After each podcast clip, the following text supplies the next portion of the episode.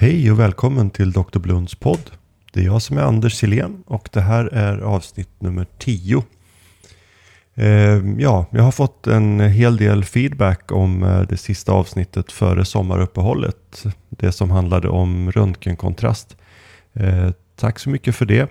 Eh, det har också kommit några förslag till förslagslådan, vilket jag uppskattar jättemycket. Fortsätt gärna att höra av er med tips. Jag skulle gärna vilja göra avsnitt med eh, gäster och prata om eh, något av deras specialområden. Så om du har förslag på någon sån, kanske till och med du själv, eh, hör av dig till mig så ska vi försöka ordna det. Dagens ämne är mitt favoritläkemedel. Om man inte räknar kaffe förstås. Ehm, det är Ketalar. Eller ketamin som är eh, det generiska namnet. Men det blir nog svårt att undvika att använda handelsnamnet idag. Ehm, jag använder eh, ketamin eh, väldigt ofta. Ja, på mina patienter alltså. Och om man jobbar inom akut och intensivvård så tycker jag att man ska använda Ketalar ofta. Um, när jag gjorde min specialistutbildning så minns jag att um, Eh, Eh, jag lärde mig att katalar skulle man använda när man sövde väldigt instabila patienter, till exempel eh, stort trauma med blödning eller eh, rupturerad aortaneurysm. Ehm, men i övrigt användes det inte speciellt mycket och det ledde till att det dröjde ganska länge innan jag sövde någon patient med katalar och den första patienten var förstås extremt instabil.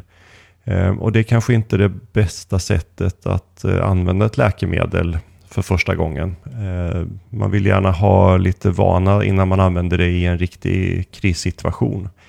Ehm, och eh, nu på senare år har jag faktiskt utvidgat indikationerna ganska mycket och börjar känna mig eh, väldigt trygg med det här läkemedlet. Och jag tror att det används för lite inom vår specialitet.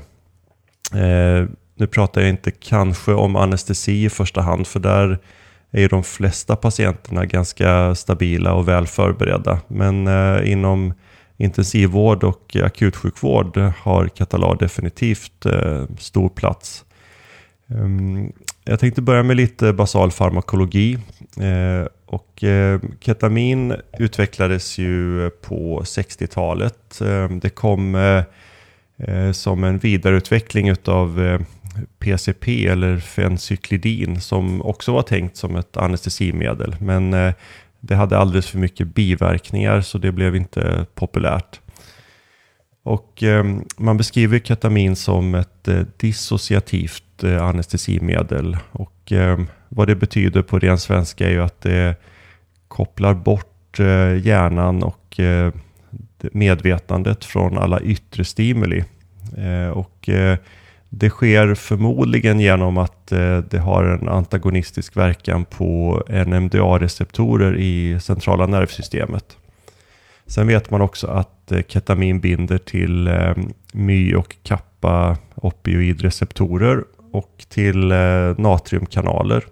Och eh, de här tre sakerna förklarar förmodligen en hel del av de smärtlindrande egenskaperna som man ser av eh, Ketalar.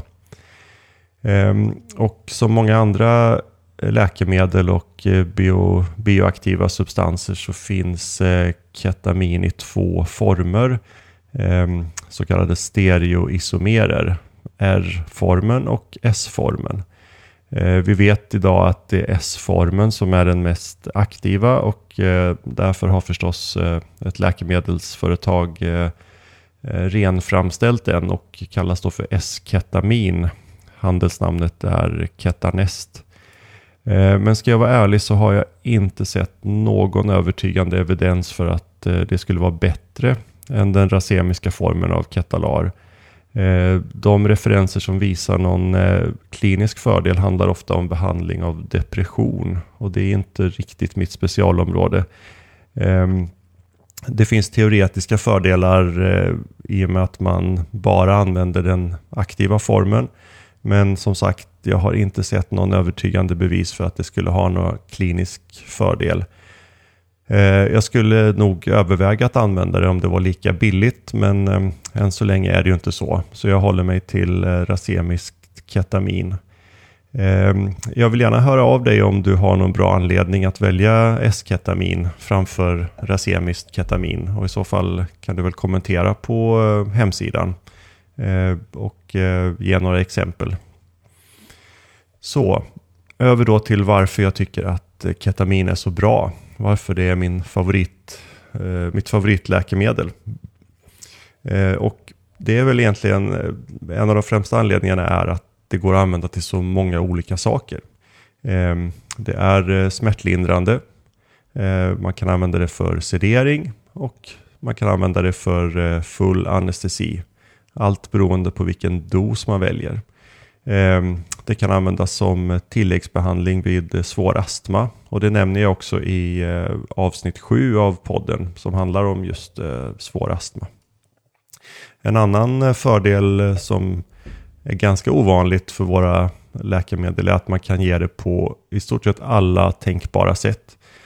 inte bara intravenöst utan också intramuskulärt, oralt, nasalt, rektalt och subkutant. Eh, jag har inte använt det subkutant eh, själv men eh, det är väl beskrivet och används ganska mycket för smärtlindring inom palliativ vård. Så det är definitivt en fungerande administrationsväg. Ketalar är också väldigt säkert för att vara ett anestesiläkemedel. Det hämmar inte andningen om man ger det på rätt sätt. Ger man en snabb injektion så kan man få en övergående apné, men den är som sagt övergående. Ehm, det bevarar luftvägsreflexerna, eh, så eh, risken för aspiration är mycket mindre än eh, när man använder sig av andra anestesiläkemedel. Det har en mycket mindre hemodynamisk påverkan än de andra narkosmedlen och det är väl därför som det rekommenderas just till patienter i chock. Eh, man ska då komma ihåg att det här är inte eh, garanterat eh, säkert. Om patienten redan är i chock med maximalt påslag av katekolaminer så kommer du ändå få ett rejält blodtrycksfall om du ger ketamin. Men mindre så än om du använder till exempel Propofol eller Pentotal. Ehm, och en sista grej som är rätt så häftig är att man kan i stort sett inte överdosera ketalar. Eh, och det har att göra med verkningsmekanismen.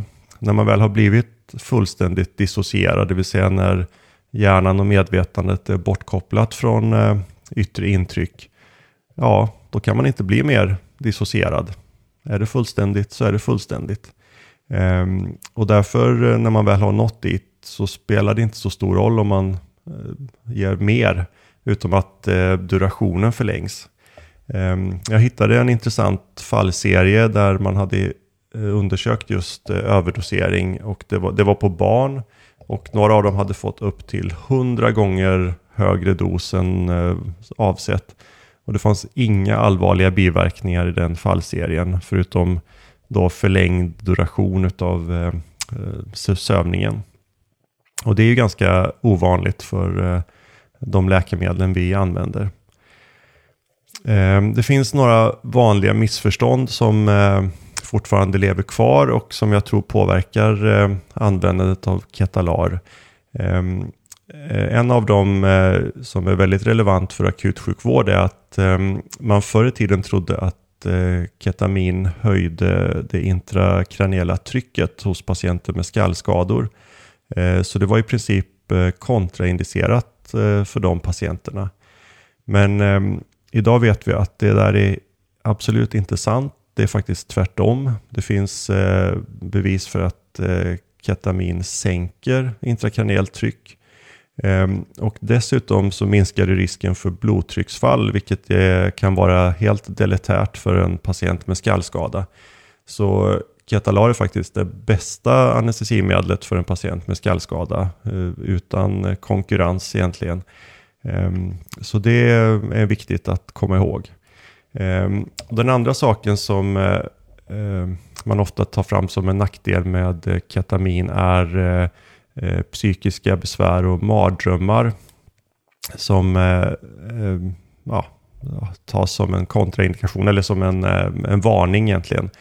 Ehm, och problemet där är att eh, det finns ju ett intervall, ett dosintervall där man är inte riktigt vaken men inte heller fullt dissocierad. Ehm, och där kan man uppleva väldigt stort obehag då som patient om man eh, har förlorat en del av sina sinnesintryck men fortfarande är vid medvetande. Man kan till exempel uppleva att man har blivit eh, blind eller förlamad men fortfarande helt vaken. Och det kan ge förstås eh, panikkänslor och eh, andra negativa tankar. Eh, det är egentligen inte ett så stort problem. Det är ganska ovanligt eh, i klinisk praxis. Om det uppkommer så är lösningen rätt så enkel. Eh, om det händer under tiden som man håller på och söver eller sederar en patient, eh, då behöver man bara ge mer katalar så att man når den här fullständiga dissociationen och problemet går över. Om det händer under uppvaknandet, vilket kanske är det vanligaste, eh, då kan man lätt lösa det med en liten dos eh, Midazolam eller en annan bensodiazepin. Ehm, däremot rekommenderar jag inte att rutinmässigt ge bensodiazepiner med eh, Katalar därför att då tar man bort en hel del av fördelarna. Man får då eh, risk för blodtrycksfall och eh, andningsdepression.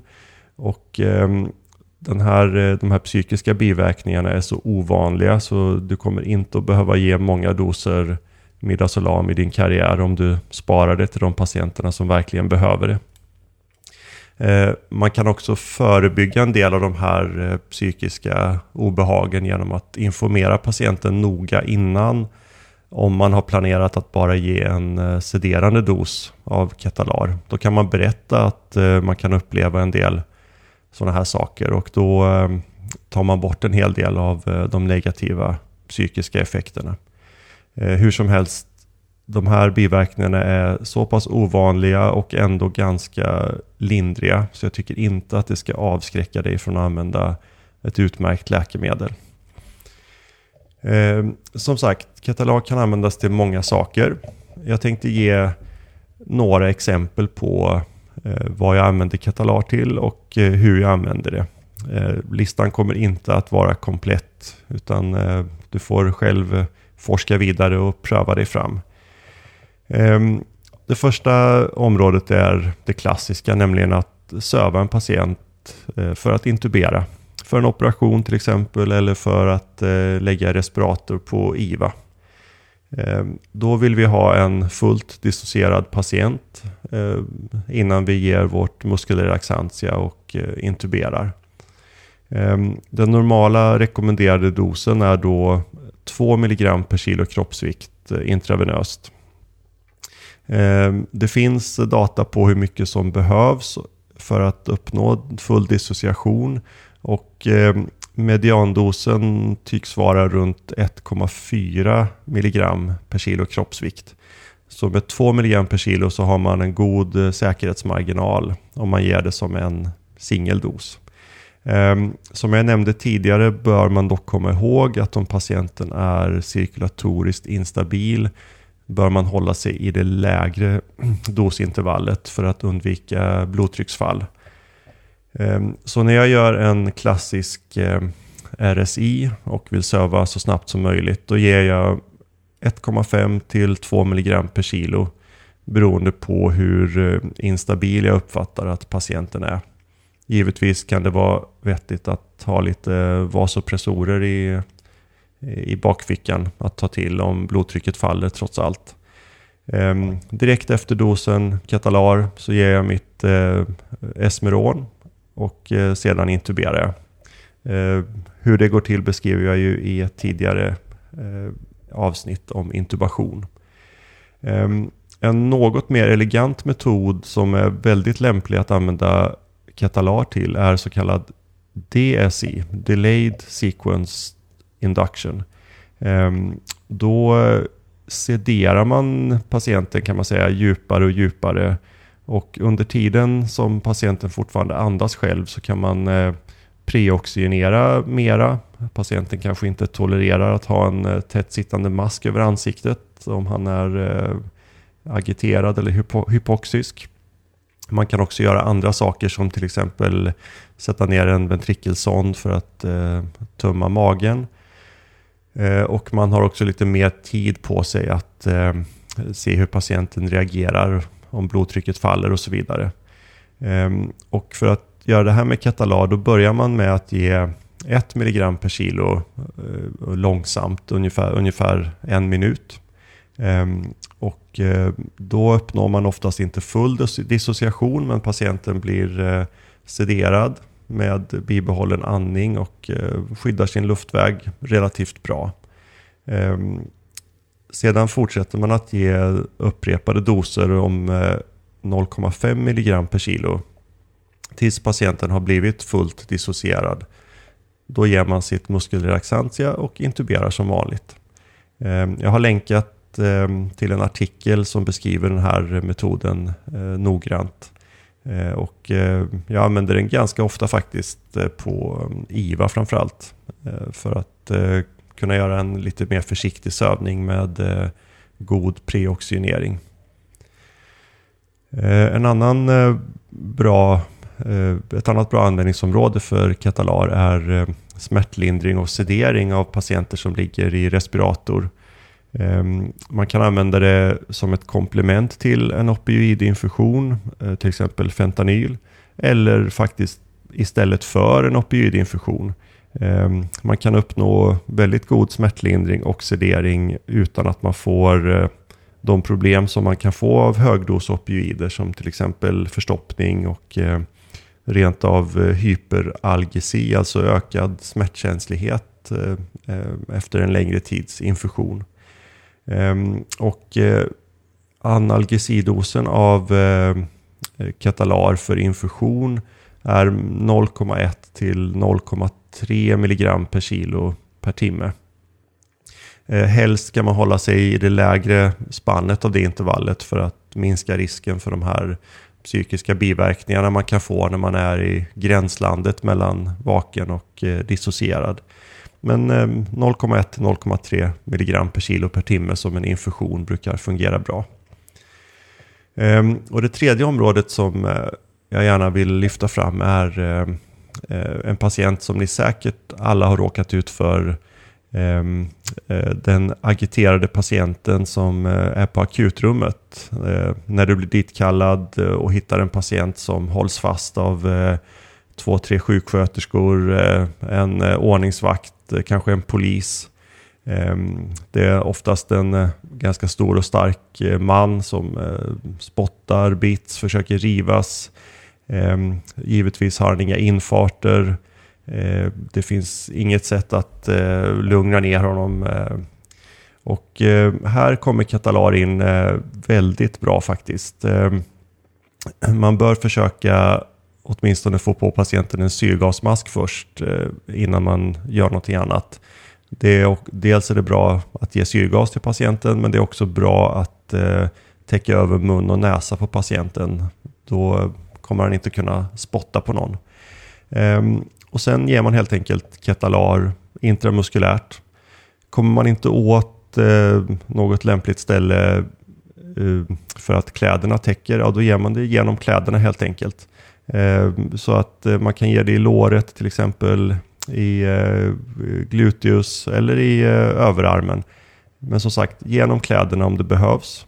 Ta en intramuskulär nål. Ehm, och dosen 5-15 milligram per kilo. Eh, I princip för en vuxen eh, man kan man ge 500 milligram, det vill säga 10 milliliter av eh, den starka lösningen, 50 milligram per milliliter.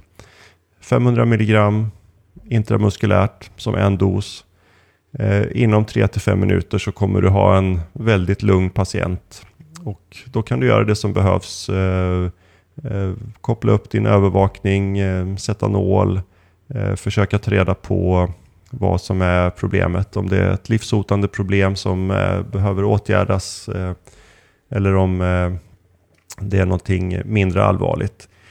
Du måste förstås vara beredd att eh, intubera den här patienten eh, efter att du har sövt honom.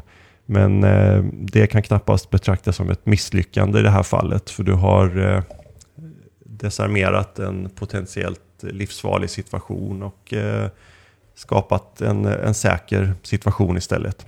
Så eh, intramuskulärt eh, ketalar det är mitt förstahandsalternativ när jag har en farligt agiterad patient som jag inte kan kontrollera på något annat sätt.